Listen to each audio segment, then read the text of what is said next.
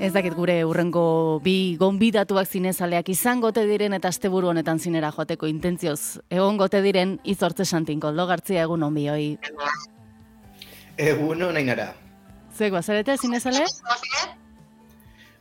Ba, egia zan, aspaldiz noala zinera, baina oren gogo kinpilitu nahi eskueteko gainera itze erritu nio basuri harri izan da, ba, nora eskoan e, ikustera ez da.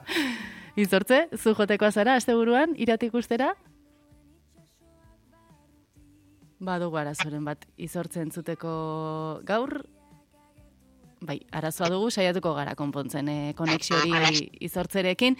Bueno, bihar bitartan aurreratuko diogu entzulei, gaurko tertulia zientifikoa, em, besteak beste gifa, giza inmunoeskasiaren birusa izpide hartuta egingo dugula, Alemaniako Düsseldorfetik iritsi zaigulako horren inguruko, Bueno, ez dakit argizpia hori zuek esango duzu hobeto, izan ere gaitza zuen gizonezko baten osaketa baiestatu dute, leuzemia baten kontra egiteko e, ba, ama zelulen trasplante bat edo jaso ostean, pelileku ona, konta guzu.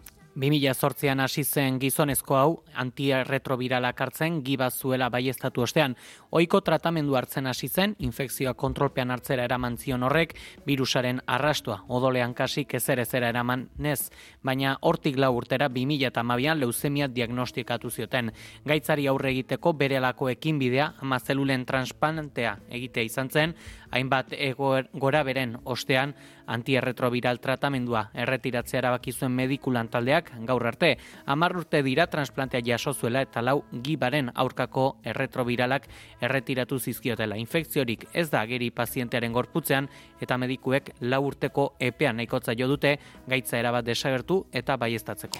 Bueno, e, zehaztekoa da lendik ere antzerako bi kasu ezagutzen direla gutxienez, lehena 2000 eta maikean baiestatu zen Berlinen, bigarrena berriz Londresen, 2000 eta hogeian. Hala, Düsseldorfeko pazientearen kasuan bezala, amazelulen transplantea jaso zuten biek, gaitz hematologiko edo odolari loturiko gaixotasuna duten pazienteak igarotzen dira, ebakuntza horietatik kasu horietan lauziemia eta linfoma zuten gaixoek eta gibaren eramale ziren aldi berean. Oso muturreko egoeretan egiten da amazelulen transplantea pazienteak beste tratamendu edo aukerarik ez duen kasuetan bakarrik, eta gainera, are zailagoa da, aipaturiko pazienten kasua, donanteak mutazio espezifikoren bat izan behar baitu odolean, giba duen gaixoari transplante egin alizateko. Oso portzenta ibasuan gertatzen da hori. Bueno, eldu nahi diogu honi bitxeiru ditugu zeigulako oso albistea zuek esango duzu baita ere zer nolako garrantzea izan dezakeen, batez ere ba, kasunetan birusa duten, e, gif birusa edo dutenen e, aurrean. E, zertan datza edo nola ere orain berri aipatu dugun mutazio horrek? Bueno, ba, e, pentsatu behar duguna dalde batetik, e, puntazio hori gertatzen dela, da, gertatzen dela e, genez, gene batean e, hartzaia dana. Uste dut guztuko geratzen dugula hartzaia hitza zebia ezagun egiten segulako koronavirusaren kasuan, eta hartzaiak dira e, zelularen e, e, azalean dauden e, molekulak egiten dutena da sentzore lanak. Eta hori da, gibak erabiltzen duena, e, eta e, justu e, gene hau e, ematen da erantzun immuneko zeluletan. Eta giba da erabiltzen duen zirrikitua sartzeko zeluletara. Zer gertatzen da, badoegoela jendea daukana mutazio bat e, gene honetan, egiten duena dela e, partzalki e, zati handi bat desagertu eta orduan ez dago hor, ez du, ez du bereria funtzionatzen. Eta horrek ematen dira baintaia bat, zeren gibak ezin du erabili zirrikitu hori sartzeko. Orduan, zer egiten dute? E, alduten, e, giba daukaten pertsonek, e, leusemia bat baldin badute, e, transplante egiterako orduan, zeiatzen dira, karo, transplanteko goratu behar duguna da, transplanteak egiteko, ja, bereriaz, berez, e, beharrezkoak direla, e, hainbat ezagarra edukitzea emaileak, eta gainera egiten dutena, horrek asko murrizten du, e, zintzu e, emaile kopurua, eta gainera beratzen dutena da ere, e, ea soriz, maila horrek daukan mutazio hau horrela saiatzeko ea saiestu daitekeen gibak e, infektatzea pertsona e, giba daukaten pertsona hauei, ez? Eta, claro, e, goratzen dut, e, itzegin genuela gibari buruz bere garaian, e, e, mundu egunaren e, inguruan, eta genuen oso saia zala, senatza lortzen genuela, konifikatza baino sendatza, eta hemen ikusten dugu, ezke oso baldintza konkretuetan egin behar da hau, eta gainera hiru kasu bakarrik ezagutzen dira eta gogoratu berrogei urte baino gehiago eramagula gaitz honekin, ez? Berrogei urtetan hiru pertsona bakarrik ematen digu zein, ez, visualizatzen belio digu ikusteko zein zaila den hau lortzea. Beraz, albiste ona bai, e, baina behar bada honen irismena ere, bueno, ez dakit, ez da pentsatzen duguna, baina bezain zabalago iritsiko ez, izortze? Hombre, ez da zerbait modu orokortuan egin daitekena, ez? E, lehen aipatu duzu, azken finean, e, medula transplante bat egitea ez delako zerbait erreza, e, erakuntza potentea da, gainera e, imunosupresioa jarri behartzaile pertsonei, Orduan, bueno, nahiko, nahiko metodologia komplikatua izaten da, ez? Beraz, gibaz infektatuta dauden pertsona guztiekin hau egitea oso saia izango litzateke. Koldo kaitpatu duen bezala, ba oso jende, oso emaile gutxik, ez zuzen ere, daukatelako e, mutazio hau, ez banago, populazio europarrean euneko bat inguru omen da, eta, eta gainera hortaz gain, mutazio izateaz gain, bestelako, e, besan ezagun, e, komposizio genetiko bat eduki behar dute beste pertsonak e, ba, e, medula osioko trasplante hori ondo ondo aguantatzeko nola baitez. Orduan, orokortzea sai izango da, baina nik uste dute maitza hauek oso interesgarria dira, ba, aurrerantzean nola bai garatu daitezkeen e, teknikei edo terapiei dagokionean, ez? Ze, emaitza hauek esaten digutena da, Beitu, T zeluletan hartzaile hau ez baldin badago, edo hartzaile hau mutatuta baldin badago, eta ez badu ongi egiten bere funtzioa, argi dago, gibak ez duela gaitasuna te zelulak infektatzeko, ez? Eta horrek eragiten duena da zuzen ere, gaizotasuna e, ez, ez garatzea.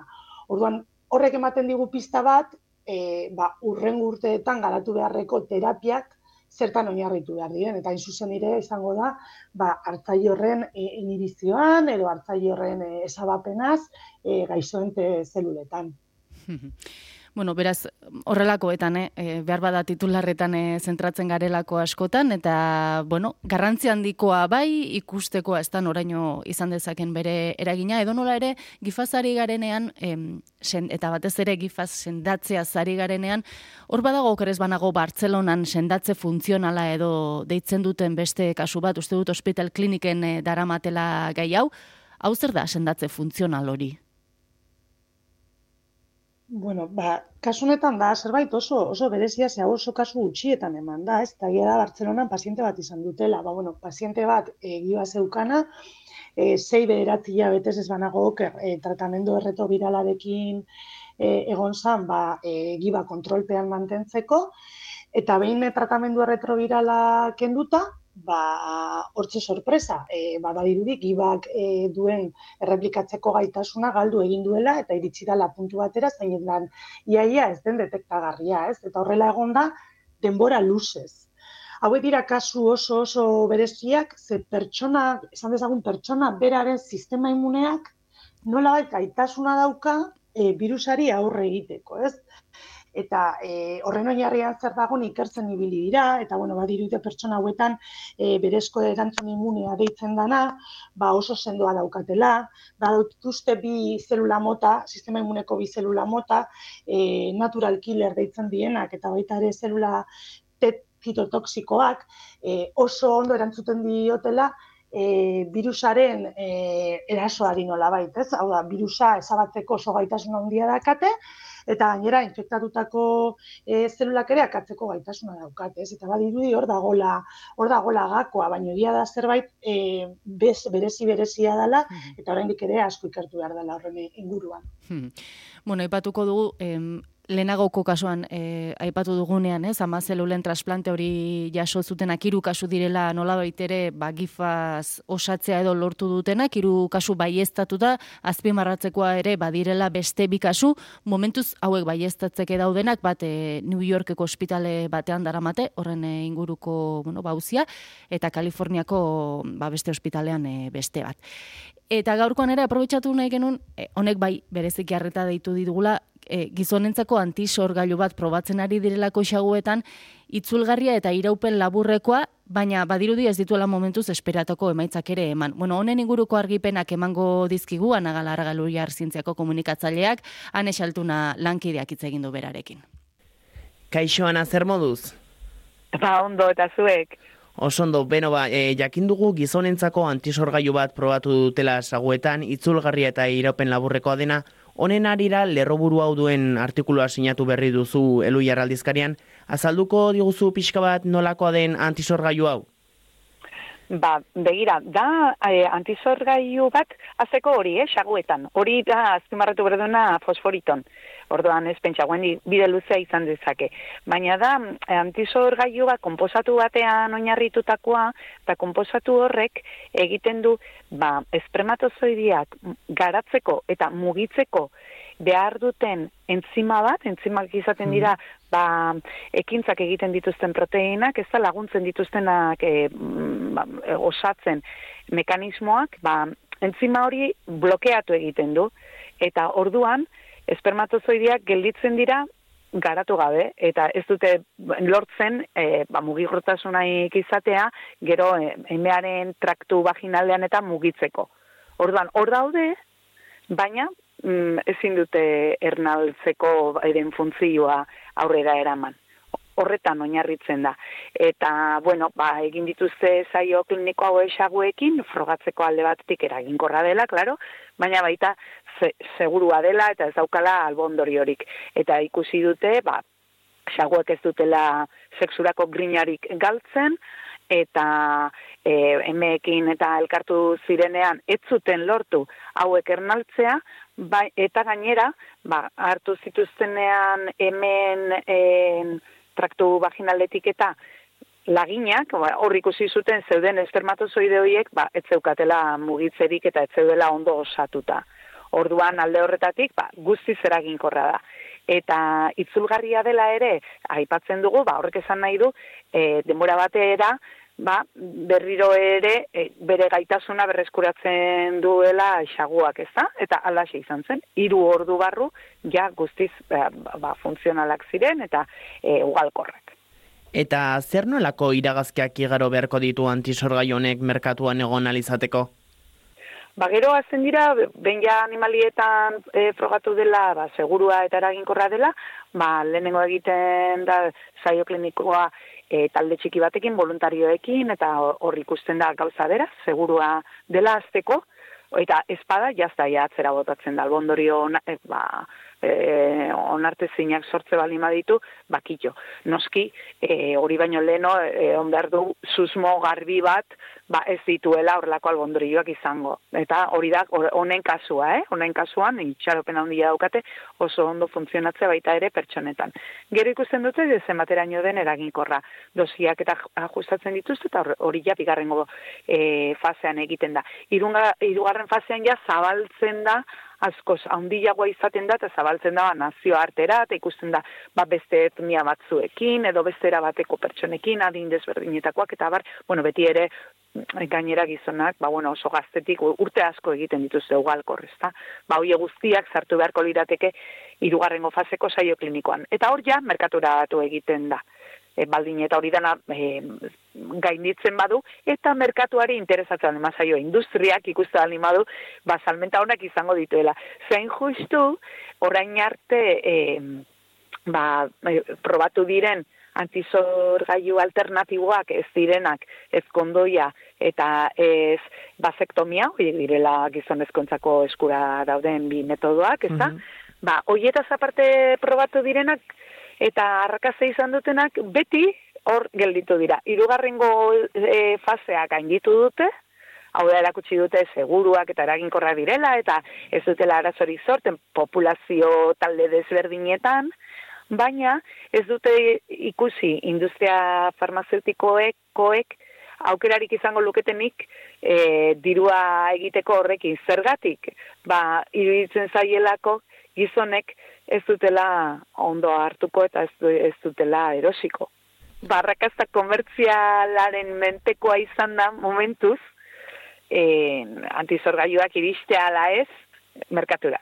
Esan behar dugu ez dela lehen aldia horrelako antizorgaiu baten topaketaren berri dugula, nolatan ez datozte gizonezko entzako antisorgaioak farmazietara, arazo fisiologikoa ala sozietateaz hitz egin behar dugu? Hori da, garbi dago, ba, ikusita, ba, baietz garatzen dituztela, eta beraz, ba, e, badagoela, e, egongo litzatekela alternatibarik baldin eta hartzaileek e, onzat joko balituzte, ba arazo ez da e, gizonezkoen fisiologia komplikatuagoa dela.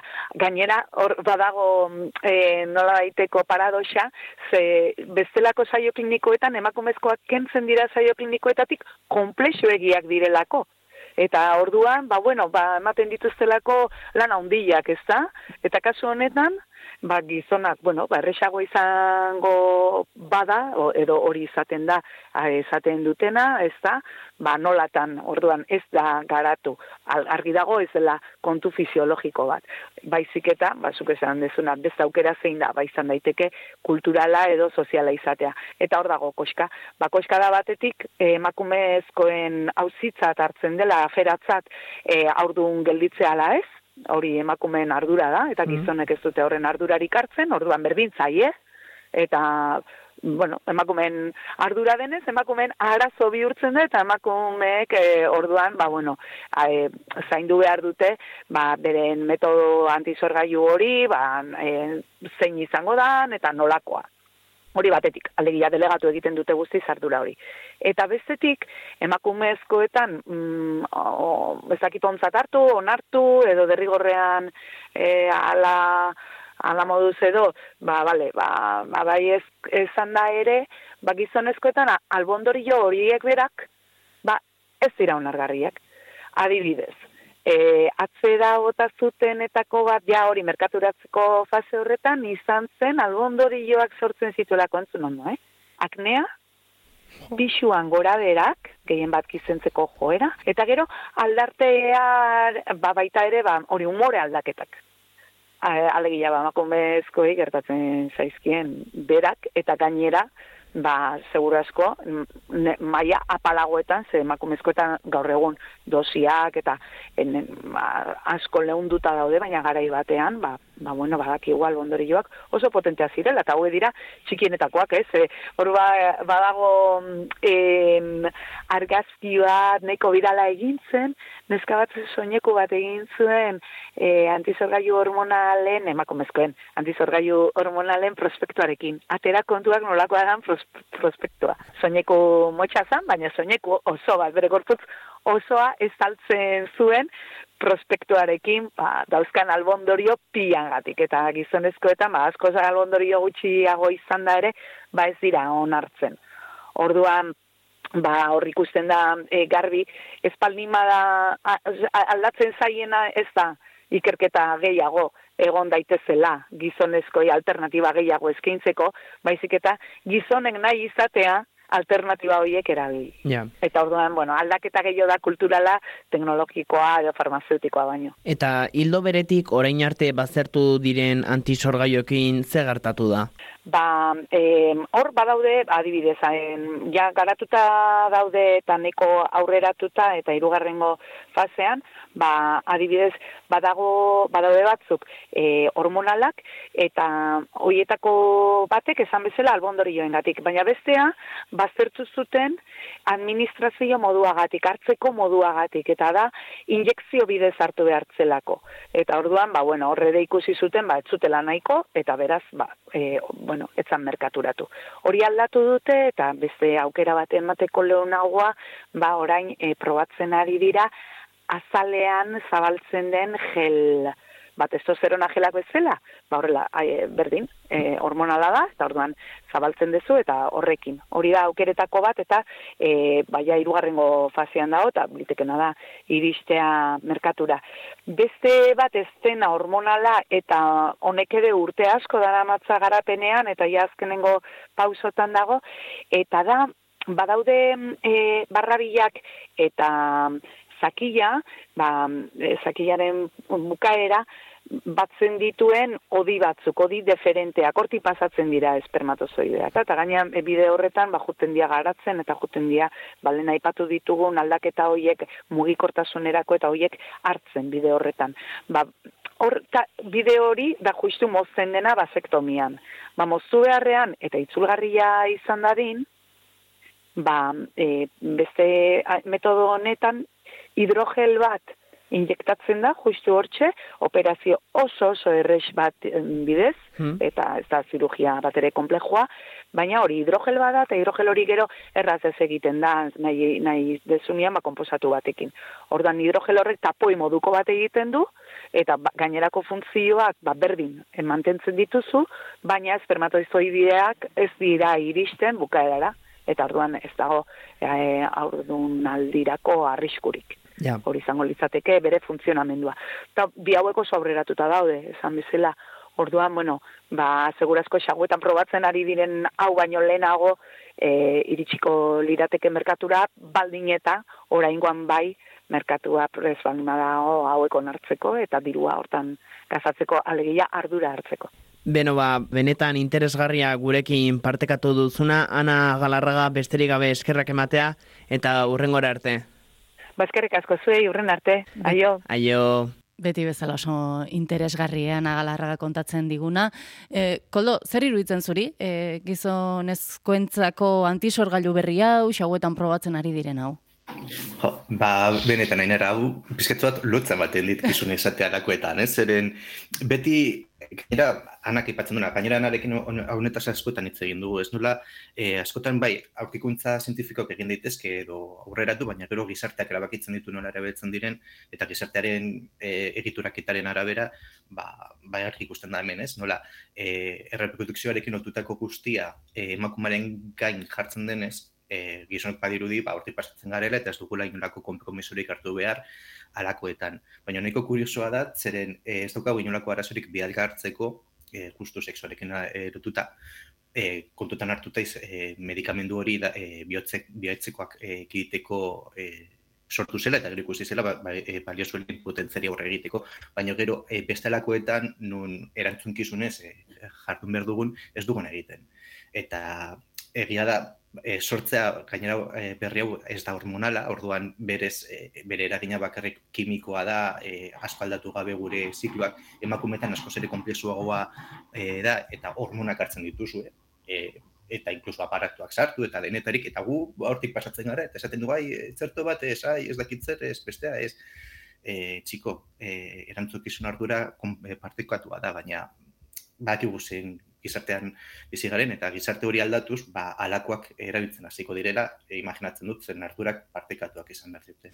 Hor gainera izortze oso deigarria, ez nola baztertu izan dituzten, ez? E, e, gizonezkoentzako antisorgailu batzuk eragiten zituen albo ondorioengatik eta ikustea emakumengan ez badirela e, albo ondorio berdinekin edo batzuetan inkluso gogoragoekin ere aurrera aurrera jarritzen duten antisorgailu batzuk. Bai, anak primeran azaldu du, ez? E, albo ondorioen e, langa, esan dezagun, e, emakumeentzako oso oso basuaran bitartean, gizonezkoentzako asko saltuago jartzen jartzen dute, ez? Eta hori lotuta dago kolok esan duen arekin ere. Azkenean, e, bueno, gizarte honetan uste delako, e, emakumeak igual hartu behar ditugula arriskuak e, ba, e, ordunaldiak ekiteko, azkenean, azkenean ardunaldiak gure ardura e, dela uste uste delako, ez? Eta orduan horregatik. Nik egia esaten badizut, e, uste dut lortu diren emaitzak oso interesgarria direla, zientifikoki e, hitz egiten, baina nik ez diot etorkizun askorik ikusten. Zergatik? E, ba, ez dudalako uste e, gizonezkoek e, erosiko duten produktu hau, e, banak e, azaldu duen arrazoi guzti hoiengatik, ez? Ez bakarrik agian ez du albo ondorio berezirik edukiko, ez? Eta oso seguru helburua izango da, baina esan bestela, e, audun geratzeko ardura emakume ongan jartzen duten bitartean, ez dut uste gizonezkoen gehiengoak e, bueno, e, produktu hau hartzeko e, aleginik hartuko hartuko duenik, ez? Eta orduan bazken finean merkatua dakigu nolakoa dan, eta ikusten badut horrekin ez badute dirua egiten, ba, merkatutik aterako dutela beste askorekin gertatu dan bezala, ez? Zuk zeharrak aurre ikusten e, diozu, Koldo? Ba, egia esan, e, izortze bezala, oso, oso itun ikusten dut kontu hau. E, iruditzen zedalako, ba, hori, guk ez dugulako erantzunkizun hori hartu nahi. E, nola bait, eskuak garbitzen ditugu, distantzia soziala mantentzen dugu, eta gurekin ez doa e, kontua, joan beharko litzatekenean, ez? Eta azken finean hori, bada, e, gizartan gertatu behar den aldaketa bat, alako alako pilulek edo, e, ez, norbait, nola bait, aurtun eskeltzeko ardura partekatu izateko eta espakarrik emakumearen e, jartzeko. Edo nola ere, baitere, gustatuko litzatak egitzak, usatzo txiki eta harin bat, eta da, e, hauetan e, ikusten da oso harri nola e, bi, bi neurrez berren ebiltzen ditugu e, albondorioak e, ikusterakoan eta tekatatzerakoan eta aipatzerakoan e, gizonetan edo emakumetan. Ez dakit gogoratzen duzuen e, COVID-19 e, zertuekin e, hasi ziren esaten, a, igual impotentzia sortzen zuela, osoaren atera zirela esatera horrez zegoela arazorik. Baina, e, emakumen hilerokoarekin egon ziren arazoak luze eraman zuten hori aurre egitea, ez? Eta hori ikusten da nola, e, zaten dugunean, medikuntzan e, genero ikuspegia zertatu behar dela oso eta hitz egiten dugu, ez? Zeren, azken finean, bizigaren gizartaren erreflexua gara, eta egiten dugun zintzea baita ere horrek errefleja izlatzen du tamales, ez? Eta hau oso kasu adierazkoa da. Dudarik ez, eta zuk esan duzu inor baino argiago koldo. Bueno, amarretara gerturatu gara, gaurkoz onarte prestatuta genituen e, gaiak, izortze Santin koldo gartzia eskertzen dizugu izugarri gaur ere gurekin egon ezana besarka da bana. Eskerrik asko bai, zui, eta ondo pasa este burua. Berdin, agurra. Berdin,